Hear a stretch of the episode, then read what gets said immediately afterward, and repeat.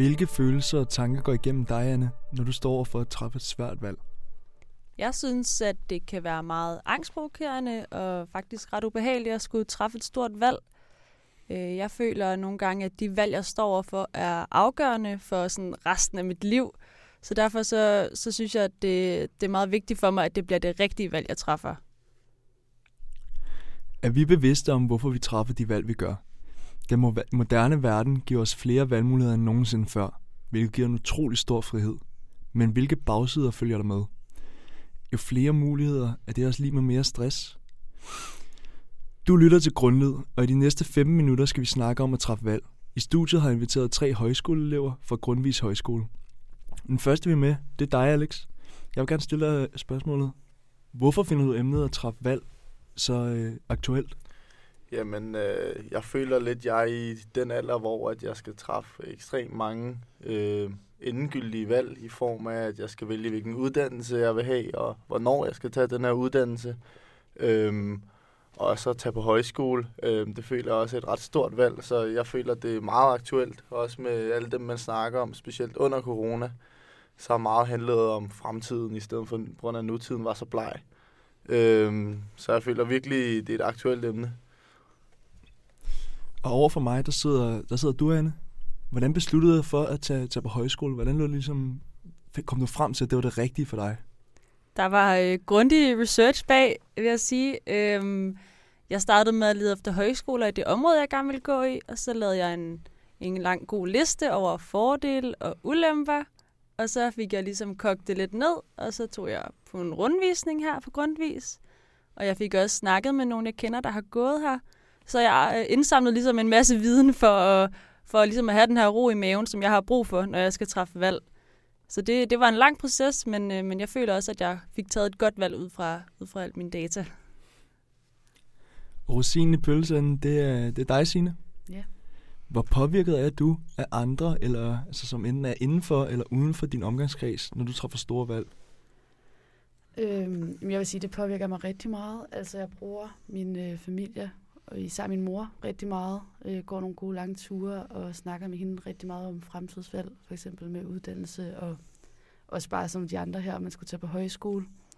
Øh, og så også mine venner også, den bruger jeg også rigtig, rigtig meget til at snakke grundigt igennem om, hvad der skal ske, og ja, når jeg skal tage en beslutning. Nu har vi lige hørt før Anne kommentere på, hvordan hun ligesom får faktisk en følelse af angst, når hun skal træffe store valg.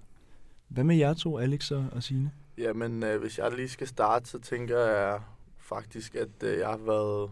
Altså, det er ret gennemgående for mig, at jeg er meget impulsiv, når jeg tager min valg. Altså, jeg tænker ikke så meget over det. Øhm, hvilket også har været, givet mig mange goder i forhold til, at jeg kommer meget, på en måde meget ud, ind til ting uden så mange forventninger. Og det er jeg egentlig meget glad for, men samtidig så vil jeg da ønske, at jeg var lidt bedre til at reflektere over tingene, som Anne måske har været. Øh, men altså, ja, jeg er generelt meget impulsiv. Øh, jeg går lidt efter mavefornemmelsen. Har du haft nogen sådan ærgerlige situationer, der opstod på grund af den her impuls? For jeg føler, jeg kender det ofte, folk siger, at man skal ikke handle, altså agere impuls, man skal altså reflektere. Så jeg tænker, om du har en specifik situation, hvor du måske tænker, okay, der skulle jeg måske have tænkt lidt mere over, hvorfor jeg egentlig gør, som jeg gør. Ja, måske meget i hverdagen, hvis øh, man nu kommer til at sige et eller andet dumt, som man ikke lige har tænkt over, eller hvis jeg nu lige vælger at tage, øh, altså, tage desserten før hovedretten, eller hvad man siger. Øh, så altså, men også i forhold til valg af job måske, eller sådan noget, så har jeg måske sagt ja lidt hurtigt til nogle jobs, som jeg måske ikke har været så glad for. Øh, jeg kan huske, at i folkeskolen, så blev jeg opvasker, og jeg havde det, altså jeg boede stadig hjemme, så ikke fordi jeg havde så meget behov for de her penge, men jeg ville jo gerne købe computerspil og sådan noget, og det kan jeg huske, det endte jeg i hvert fald med at fortryde grundigt. Signe? Ja. Har du en kommentar til det? Jeg tror, jeg modsat øh, dig, Alex, er sådan overhovedet ikke lige så spontan, og altså, overtænker alt for meget, og øh, ja, altså virkelig tænker alt, alt for meget. Det er også derfor, jeg virkelig har brug for at vente nogle gange med mine venner, og min mor, inden jeg sådan kan tage en beslutning, fordi jeg sådan skal føle mig helt sikker. Øh, og også det der med, sådan, at jeg skal lidt kunne se en mening med det, føler jeg nogle gange.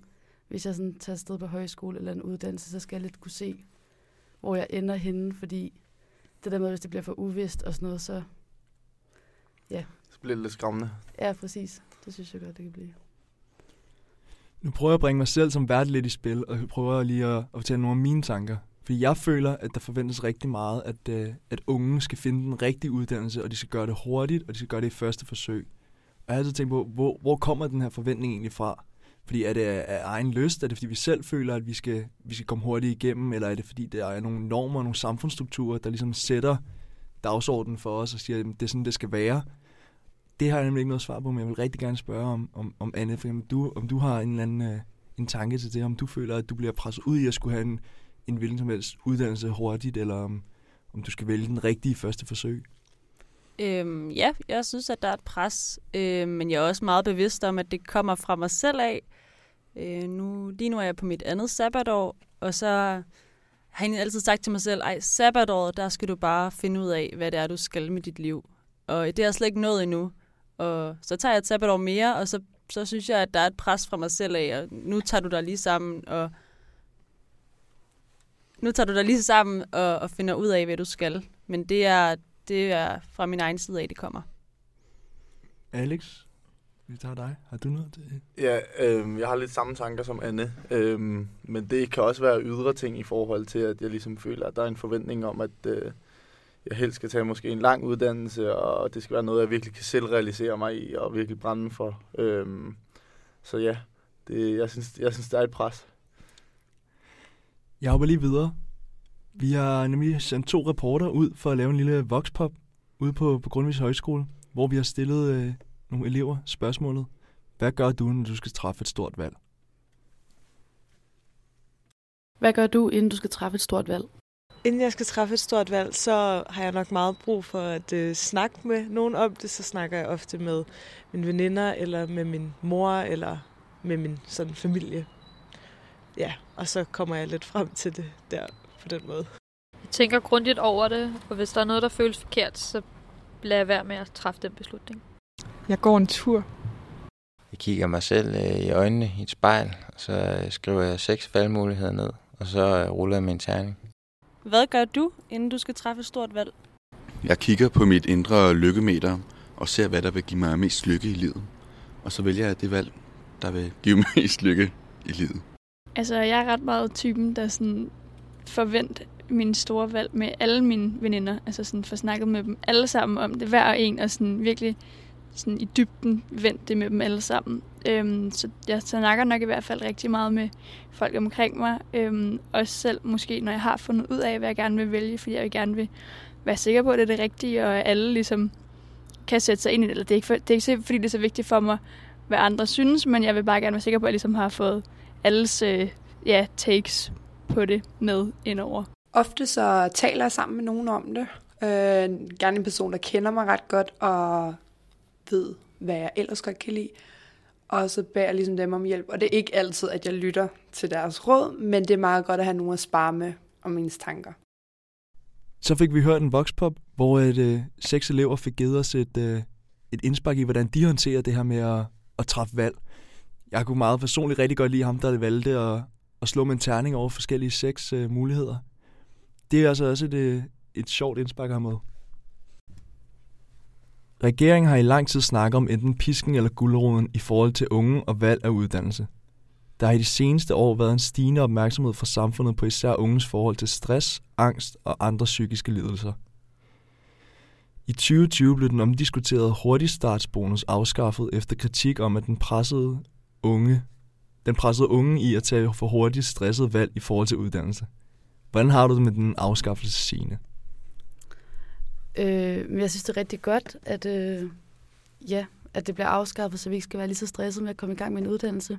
Fordi jeg vil sige, sådan for mit eget vedkommende, nu er jeg på andet sabbatår, og jeg tror da, altså jeg synes, det er rigtig rart, at det ikke er noget, jeg skal tænke på, og at man bare kan tage alle de sabbatår, man vil, og tage ud og rejse, og højskole, som man også er på lige nu.